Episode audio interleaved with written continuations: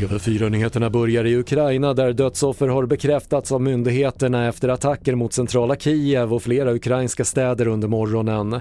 Tidigare kom även uppgifter om ryska raketattacker mot Zaporizjzja där delar av ett flerfamiljshus ska ha kollapsat. Hela Bornholm är strömlöst sedan åtta tiden i morse.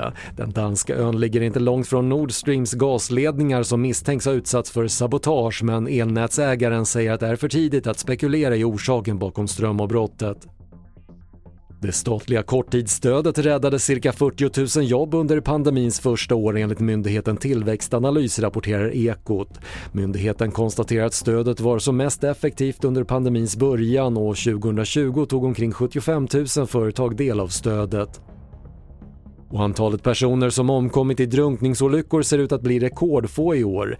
Det visar Svenska Livräddningssällskapets preliminära sammanställning och hittills i år har 59 personer drunknat jämfört med 87 samma period i fjol. Fler nyheter hittar du på TV4.se. Jag heter Patrik Lindström.